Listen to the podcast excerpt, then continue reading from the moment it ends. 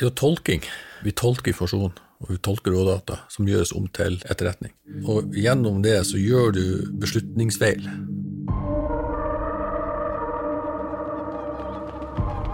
Vi mennesker tror gjerne at den neste svanen vi møter er hvit, fordi vi alltid har sett hvite svaner. Men den kan være svart. Å tenke forbi det som er kjent, er kjerneoppgaven i all etterretning. Det er det etterretningsteoretiker Kjetil Hatlebrekke som har sagt, og denne episoden handler om det. Om å finne den sammenhengen, eller den lille biten som ikke minner om noe annet vi har sett før. Om å greie å forestille seg en svart svane. Du hører våre historier, og i denne siste episoden om etterretning tar vi deg med inn i de rommene hvor dokumenter er stempla med 'hemmelig' eller 'strengt hemmelig'. Det å forstå en kultur er i utgangspunktet nesten umulig hvis du ikke kommer fra den kulturen sjøl. Du klarer ikke å være like rask i en fremmedkultur som du vil være i din egen kultur. For meg som en fremmedkulturell i et land som Afghanistan, har ikke jeg sjans. Det går altfor fort. Dette er et univers hvor allianser endrer seg over natta, og hvor det bildet du hadde i går, kanskje ikke er det samme når du våkner neste dag. Det er vanskelig å gripe tak i det. Det er litt sånn å prøve å spikre tåka på veggen. Og tvil er en ganske sånn sterk følelse. Hvis du lar tvilen komme, så er den sterk. Så det er jag. Da må du grave og grave og grave og aldri, aldri slutte å søke det. Ikke dvele ved det gamle. Gå videre. Og så er det alltid et spørsmålstegn for det mennesket vi jobber med.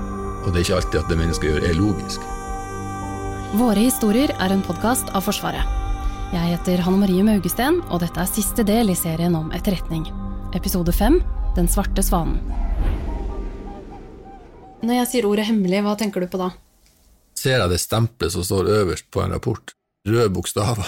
Alle rapporter står det H oppe og nede på, altså hemmelig i røde bokstaver. Mm. For deg så er ordet hemmelig et fagbegrep? Ja, ja, det er det. Helt klart. Rundt om både i landet vårt og i utlandet, i låste skap og på krypterte systemer, ligger det slike dokumenter som bare noen øyne får se. På film og i TV-serier har du sikkert sett rapporter hvor det står 'Top Secret' med store bokstaver. Sånn er det faktisk i virkeligheten også. Og selv om det høres litt tegneserieaktig ut, så fins det rapporter der ute som er merka med 'Cosmic Top Secret'. Det som kanskje overrasker meg mest opp gjennom årene, er hvor ulike oppfattelser vi kan ha av akkurat samme informasjon.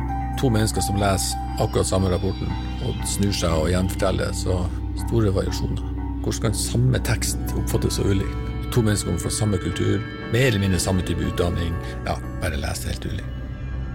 I forrige episode hørte du at Markus og kollegaene hans i Etterretningsbataljonen fikk viktig og god informasjon fra en kilde. Møtet var på sett og vis en suksess fordi de fikk mye informasjon om et antatt selvmordsbombernettverk. Likevel kunne de ikke bruke informasjonen til så mye, fordi den bare var basert på én kilde. Nå, tre år senere, etter enda mer innhenting, vurdering og analyse, så har de flere kilder, og det begynner å danne seg et mønster. 2012 blir et hektisk år for Etterretningsbataljonen i Hæren. Markus og kollegaene hans avdekker flere planlagte angrep mot norske og allierte styrker. På et tidspunkt er det 27 ulike trusselmeldinger mot leire i deres ansvarsområde. Meldingene er tidskritiske og samtidig vanskelig å vurdere troverdigheten til, fordi de har ufullstendig informasjon. Parallelt jobber de med å rulle opp et selvmordsbombernettverk. Dette her er også året hvor det dukker opp en stjålet kjendishest i rapportene deres. Mer om det senere. For det er spesielt én episode Markus husker denne våren. Det ramler inn med skade. Det har vært et alvorlig angrep mot amerikanske soldater i Maimane. De norske soldatene deler leir med amerikanerne og får dermed det som skjer, tett på. Markus har akkurat spist frokost og er på vei ut av messa, spisesalen. Nå kommer flere amerikanske kjøretøy i full fart gjennom de høye portene i leiren. Og de som har lasta opp disse skada soldatene på disse bilene og kjører dem i all hast inn i leiren, de skjønner at det står med sekunder. Vi snakker om avrevne lemmer, åpne, ja, store åpne sår. Så det handler om sekunder for berge. Utenfor militærsykehuset er det hektisk aktivitet. Alle som har en rolle i mottak av pasienter, gjør seg klare.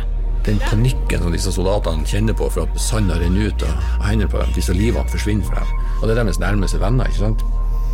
Det er sånne sterke opplevelser hvor du ser at folk er lettere panisk for at nå dør kameraten. Over høyttaleranlegget får alle soldater som har blodtype A eller 0 beskjed om å møte opp ved sykehuset for å gi blod. Og jeg husker veldig godt jeg går og skal spise lunsj. og Da er det noen timer etter at de siste skadene har kommet inn. Og da står det en kirurg på trappa sammen med meg der. Tre amerikanske soldater har mistet livet i angrepet. Jeg ser at hun er mentalt og fysisk helt tom. Og jeg ser hun står der og bare prøver å holde fatninga, men tårene renner og renner og renner. Hun har stått der i timevis og prøvd å berge disse amerikanerne. Så det er nesten en sånn umulig oppgave å berge et menneske som har vært så nært en så kraftig smell. Jeg hadde så lyst til å si, si noe til noen trøstende ord, da, men jeg fant liksom ikke ordene. Jeg ble bare stå der stille. Liksom. Med angrepet på amerikanerne blir det erklært lockdown i leir. Det er jo ikke så ofte. Det skjer en gang iblant når det skjer hendelser som man ikke har helt kontroll på. Det, det er utvikling rundt byen som man ikke helt har styring på. Lockdown vil si at ingen skal ut av leiren med mindre det er strengt nødvendig. Men for oss så blir det vanskelig. Sjefen er avhengig av fremdeles få svar på de spørsmålene han har. Og når sånne situasjoner oppstår, så har han jo ekstra spørsmål. Hva er dette? Hvorfor? Hva er omfanget? Hvor lenge vil det vare? Masse spørsmål. Så da er sjefen interessert i å få svar, og få det kjapt. Og kanskje spesielt i denne perioden her, for det var såpass mange store angrep som kom, så vi var jo interessert i å få svar på er dette noe som kan ramme oss. Operatørene til Markus reiser derfor ut av leiren for å møte folk som kan tenkes å vite noe. De tar også med seg noen ODS-operatører fra sensoren, som bl.a. sørger for sikkerhet og overvåkning. Under en lockdown-situasjon så er det svært få som får forlate leiren, men etterretningspersonellet til Markus er blant unntakene.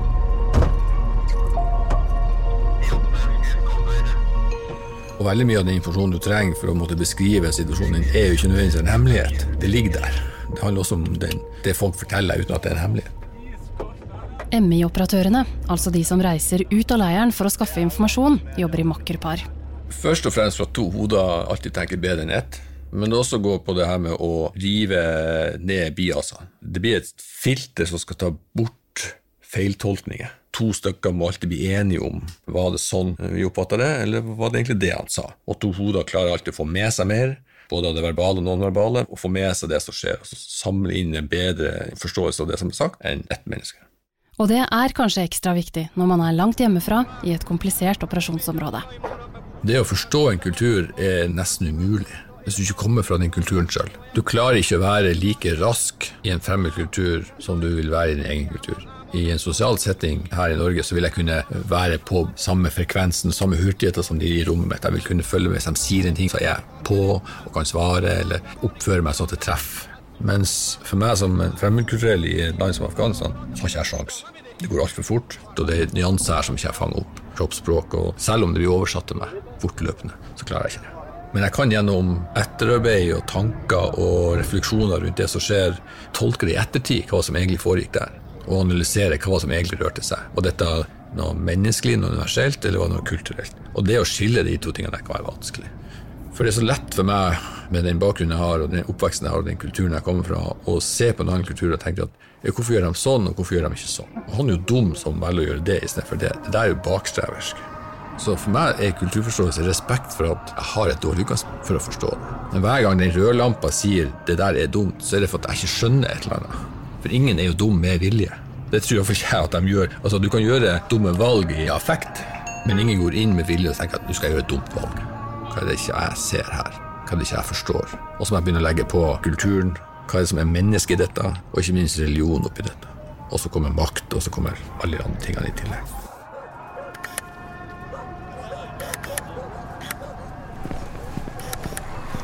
I en av gatene i byen går to menn inn en port som fører til et hus. En av mennene bærer på noe. Mannen som går inn sist, ser seg rundt og lukker porten etter seg. Mennene vet det ikke ennå, men det er noen som følger med på dem. I etterkant av lockdown-situasjonen og angrepet på amerikanske styrker setter amerikanerne og afghanske sikkerhetsstyrker opp en sikkerhetsring rundt byen, bl.a. med hjelp av flere kontrollposter. Taliban er derfor tvunget til å bli mer kreative for å få inn personer eller utstyr. Huset som mennene går inn i, er et av flere safehouse som Taliban har etablert. Mennene som går inn i dette huset, er en del av et selvmordsbombenettverk. Og det nettverket er nå i ferd med å bli kartlagt av Etterretningsbataljonen. Vi hadde jo mye større detaljkunnskap, og ikke minst de tingene som var vanskelig å håndtere. Én ting er jo de her klassiske militære overfallene man opplevde, men det økte jo på med spesielt selvmordsbombere. Vi så bare hyppigere og hyppigere bruk av det. Og vi så hyppigere og hyppigere at den sivile befolkninga ble et offer av det òg. Så det er virkelig en trussel å ta hensyn til. Etter flere år med etterretningsarbeid i området, kjenner de nå aktørene og spillereglene ganske godt. De begynner også å merke at aksessen tilgangen både på informasjon og hos kilder er bedre. Så Du begynner nesten å kjenne dem, tror du.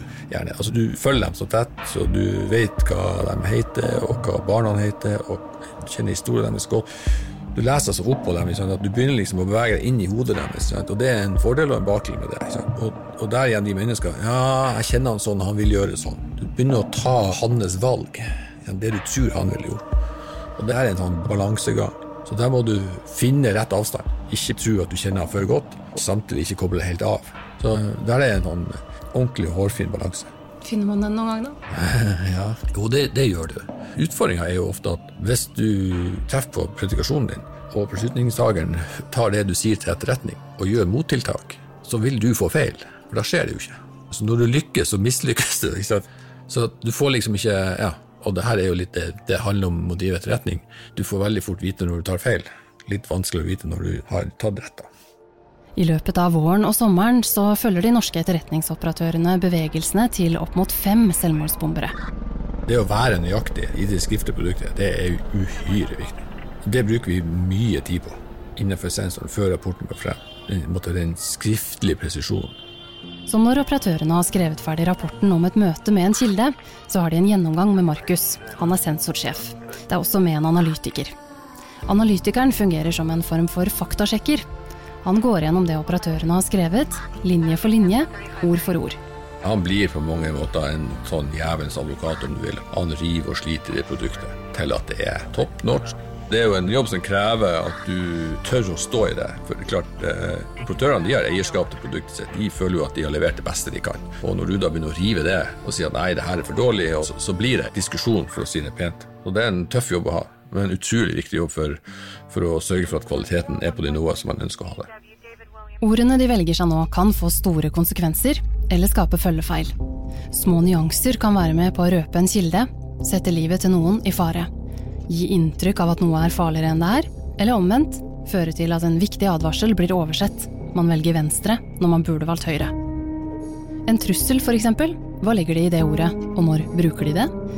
Dersom de overhører en person si til andre at han ønsker å bruke en selvmordsbomber mot utenlandske styrker, rapporterer de det videre som en trussel? Nei, de gjør ikke det. Det holder ikke å gå rundt og si at 'jeg ønsker å drepe deg', men hvis du ikke har et våpen eller en de midlene som skal til for å ta livet av meg, så er det bare ord.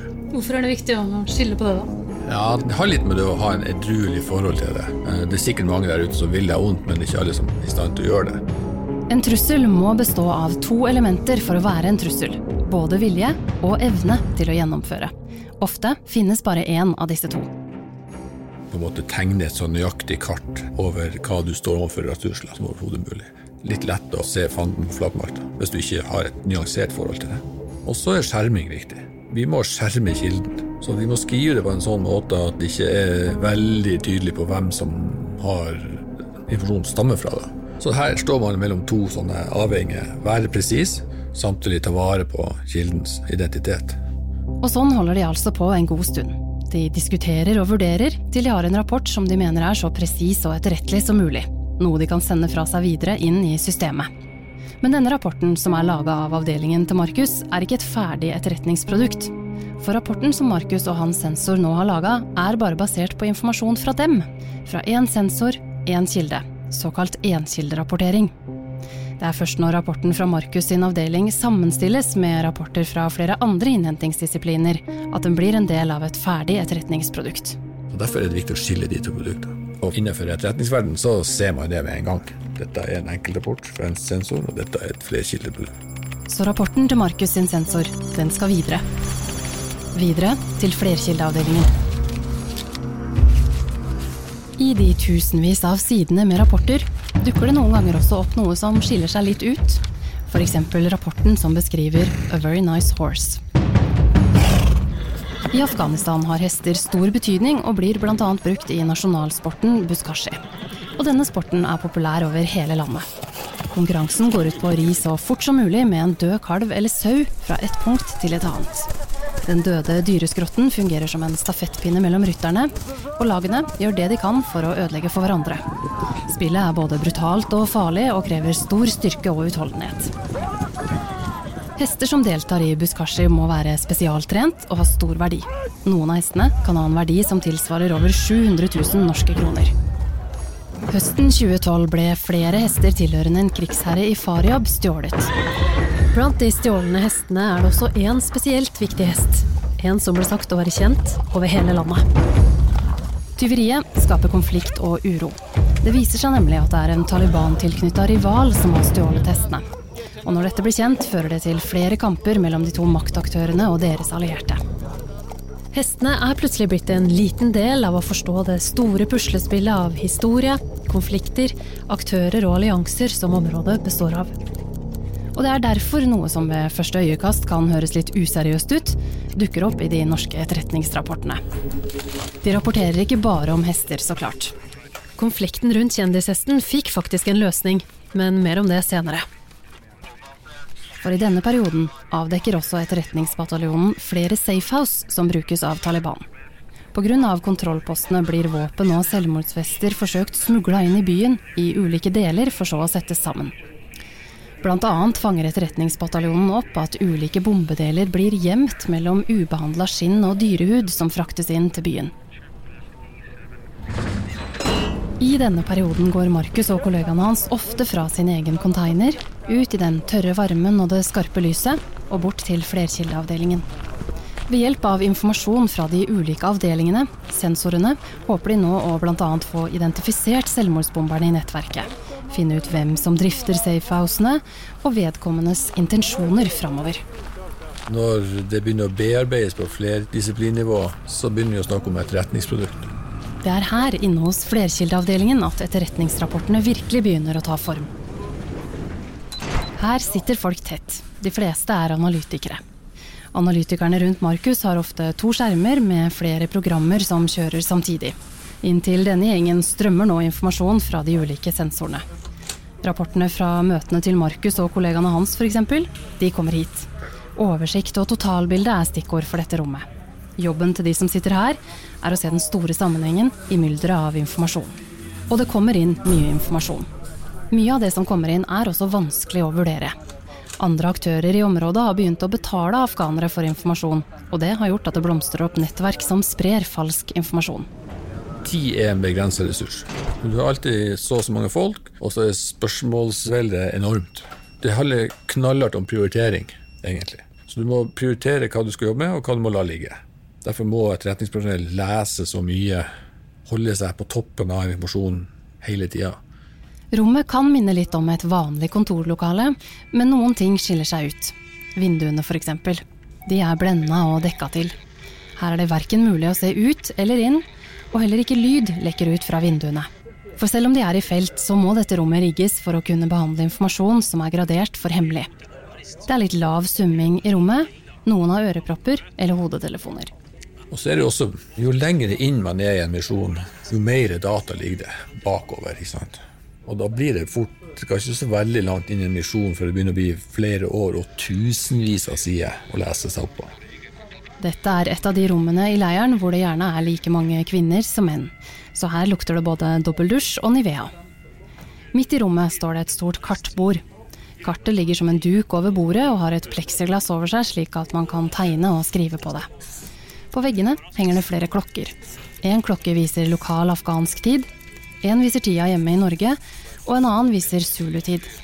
Zulutid brukes for at alle i en militær operasjon skal følge samme klokke, uansett hvilken tidssone de befinner seg i.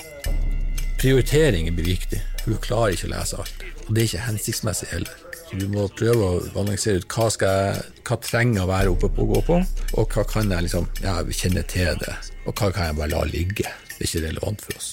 Tror jeg nok at analytikere på flerdisplinivå kommer mer skvis i. Hva er nok? Men de leser jo enorme mengder. Enorme mengder.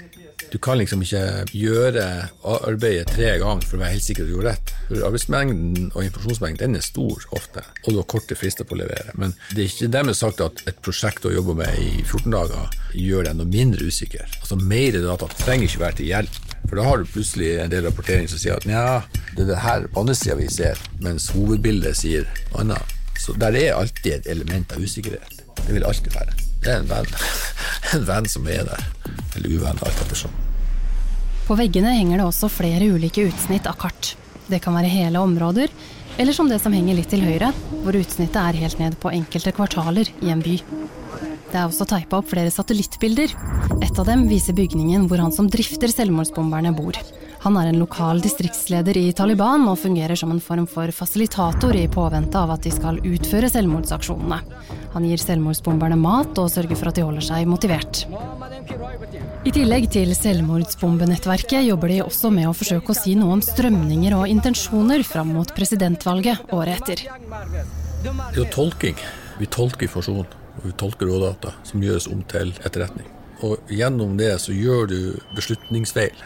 Vi har med oss masse i sekken fra det å være vestlig, som gjør at vi vektlegger enkle ting mer enn andre ting. Så du gjør rett og slett vurderingsfeil på bakgrunn av at du er et menneske. Og litt derfor så sitter jo analytikere på flere disipliner de sitter jo sammen som makkerpar. Det er jo for at en gang så får du riving hvis det oppfattes ulikt. Og den der rivinga der imellom at ja, jeg, ja, ikke helt sånn jeg så det. Ja, men jeg så det sånn. Ja, hvorfor så du det sånn? Det laget med sikkerhet som ligger der, da, at det er to stykker som skal fortelle det. Ja, jeg oppfatter det sånn.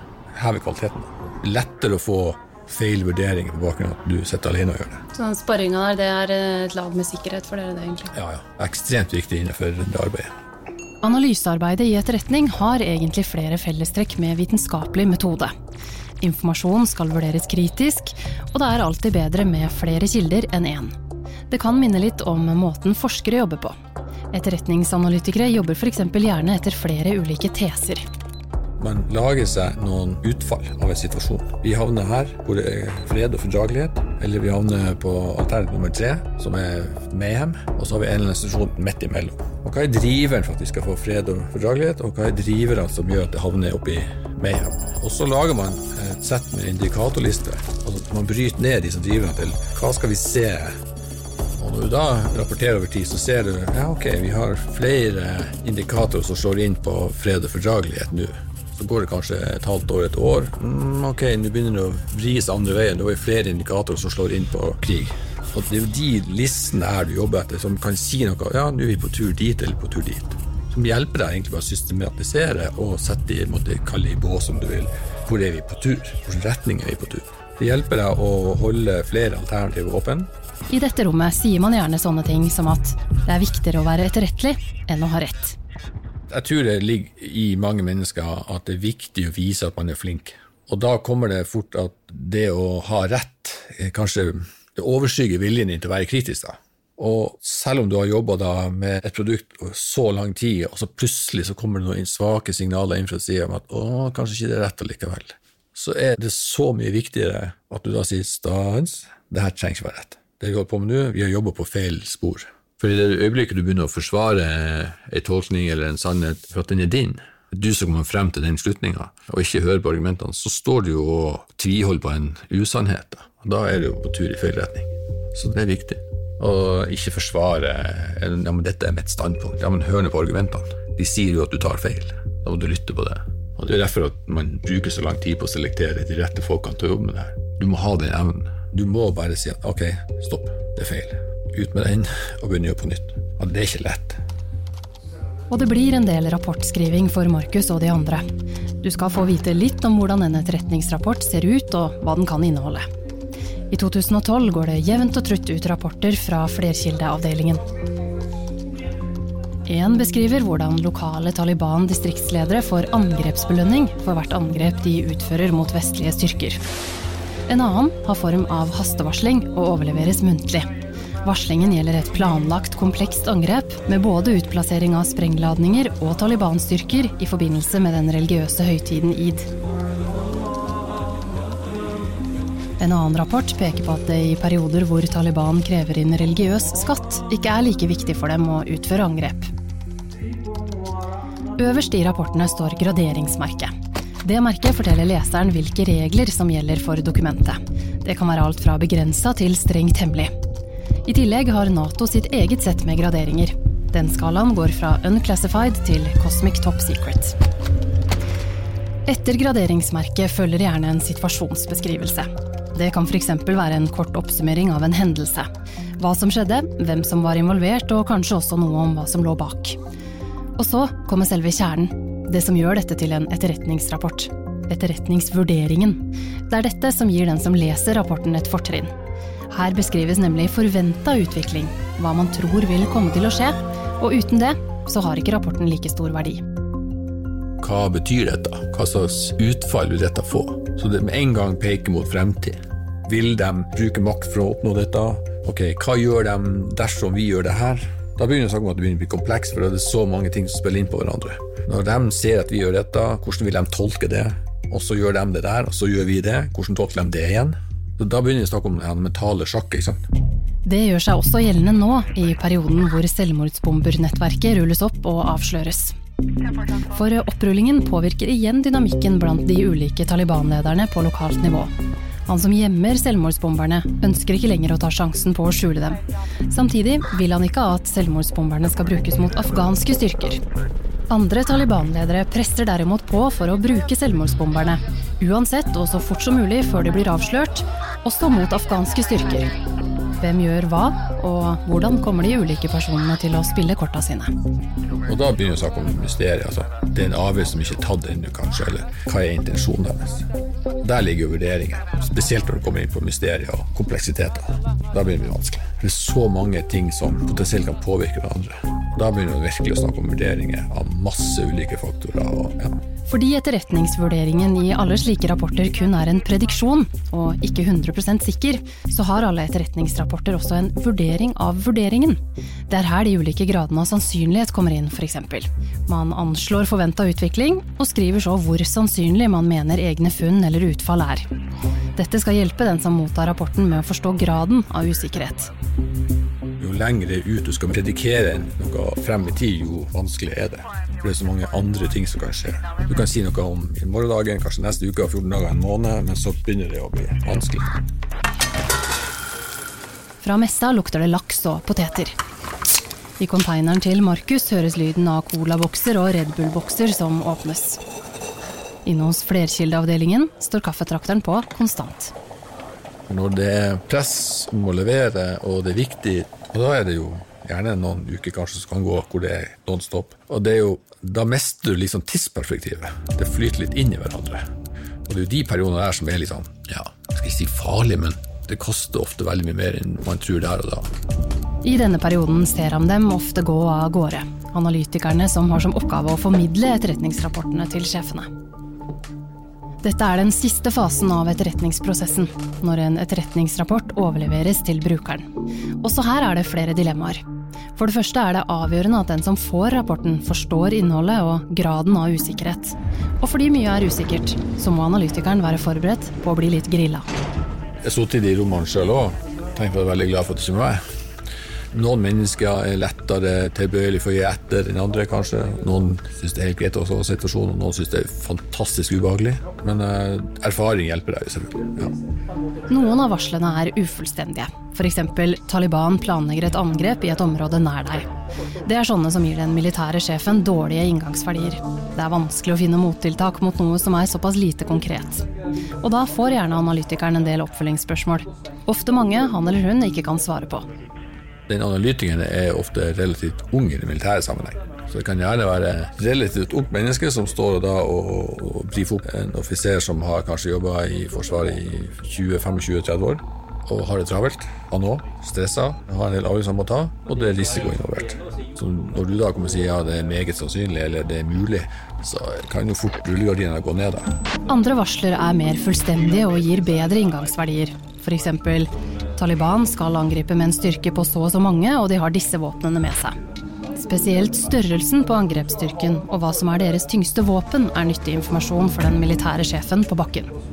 Veldig ofte så havner man i en situasjon hvor helt uavhengig hvor lite eller hvor mye informasjon du har, så må du si noe. Men du har det du har. Og den militære sjefen som skal ut og gjøre en operasjon, Han trenger et svar. Han har ingenting. Og han lurer på hva er best å gjøre. Og da må du gjøre vurderinger på ofte tynt grunnlag. Du er en analytiker sånn generelt er en litt sånn perfeksjonist. Du er ikke så veldig fornøyd med en 70-80 løsning. Men så møter disse menneskene hverdagen, og da blir fort 80% veldig mye bedre enn 60 da. Og det tror jeg jo alle mennesker som holder på med risiko, lærer seg til slutt. Man blir vant til det, og flinkere og flinkere til å stole på ja, egne vurderinger på bakgrunn av det informasjonen du sitter på. Men uh, klart, lite data er lite data. Og da står det jo i Det det man kan si at jeg har for lite til å si noe om. Det hjelper etterretningskunden ingenting. Eller så må du gjøre best mulig vurdering på det lille du har. Så, så skjønner jeg at folk syns det er vanskelig å forholde seg til en mulig. Det er et mulig bakhold. Hva i herrens navn betyr det? Altså, En mulig bakhold betyr at jeg mister fem mann, ti mann. Kan du forklare meg? Ja, altså, det skjønner jeg veldig godt. Det er vanskelig. Og så er det ikke sånn at militære ledere eh, forholder seg til usikkerhet, for det gjør de jo. Men uh, det blir plutselig veldig nært når de ruller ut, og du står for en reell potensiell fiende. Da.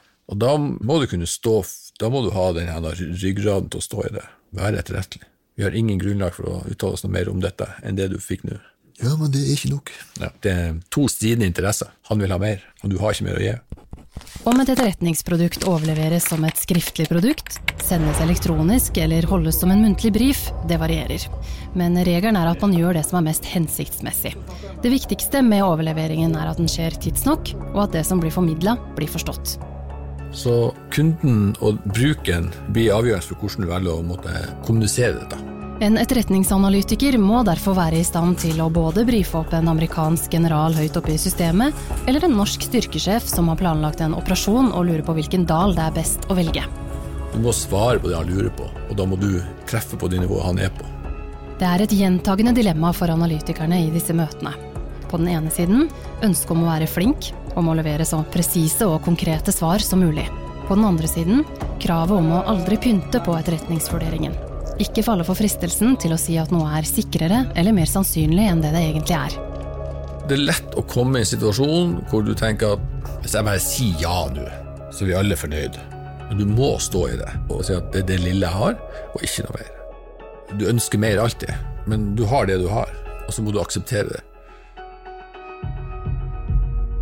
Rapporten til Afghanistan-utvalget har tatt for seg noe av rapporteringen Etterretningsbataljonen gjorde i denne perioden. Utvalget trekker bl.a. fram nyanserte vurderinger av komplekse maktforhold og aktørgalleriet i Faryab og Gormak som spesielt nyttig etterretningsgrunnlag for både styrkebidraget i Maimane, PRT-en og ISAF generelt. Så det er klart, I løpet av de tre årene der så vi kom ganske langt. Ja, faktisk fjerde året vi begynte på med det. Så da hadde vi god aksess. Virkelig god aksess. Hvordan merker man at man har virkelig god aksess? da? Nei, ehm, ja, Det er flere ting, men har, da har du flere kilder som rapporterer på det samme miljøet som ikke kjenner til hverandre. Og du har så mange kilder at du har både bredde og dybde. Altså Det er flere som kan hjelpe deg på samme sporet. og Det handler om, rett og slett om å ha mange som kan beskrive miljøet, som ikke kjenner til hverandre. Sånn at du vet at den informasjonen du rapporterer, ikke er via, via, via. At det kommer fra samme kilde. At det er flere som har sett inn mot det miljøet. Så du får bekreftelse på bekreftelsen. Og du kan du kjenner alle aktørene. Du kjenner historikken deres. Du vet hvem som er broren og faren. Og, du har liksom alt. Du fjerner veldig mye usikkerhet med å ha så god aksess. Etter at deler av selvmordsbombenettverket blir avslørt, våger ikke lenger han som huser de resterende selvmordsbomberne, å skjule dem lenger. De blir derfor sendt tilbake til provinsen de kom fra. Og da begynner etterretningsbataljonen bare på nytt igjen. Samme prosess, Bryte ned etterretningsbehovene, hente inn informasjon, analysere og vurdere. Det som er kanskje litt viktig å forstå, er at man har ikke et klart definert bilde. Det er flytende, og det varierer hele tida. Så når man går tilbake og tenker på hva var det jeg forsto og skjønte på en viss tidspunkt, så er det vanskelig i ettertid å si helt hvordan det så ut. For i etterretning som natur så må du hele tida rive ned det bildet du har. Du må prøve å lete og lete og lete etter sannhet, og aldri akseptere at den sannheten du har nå, er den riktige. Det slutter egentlig aldri. Prosessen er en løpende never-ending story, med uklare tråder og stadig nye hovedpersoner. Jeg syns jo det er motiverende, den søken. Så veien frem er jo like viktig som å komme til en eller annen endstate, nesten. Det å søke og jage, og det syns jeg er nesten like motiverende som det å ah, endelig komme frem til målet. Det ser sånn ut. Ja, veien frem kjenner jeg på like interessant som det å komme frem til to strek under svaret. Og så var det konflikten med hestene. Der kom partene faktisk til en enighet. Og nå som du har hørt hvor annerledes både valuta og aktører kan være i et teater langt hjemmefra, så blir du kanskje ikke så overraska når du hører resultatet. Det ble nemlig bestemt at hestene kunne kjøpes tilbake, og betalingen aktørene ble enige om ett maskingevær per hest. Du har hørt Våre historier og siste episode i serien om etterretning. Våre historier er en podkast av Forsvaret. Intervju, manus og fortellerstemme er av Hanne Marie Maugesten. Produksjon og lyddesign er av Jørgen Bergsund.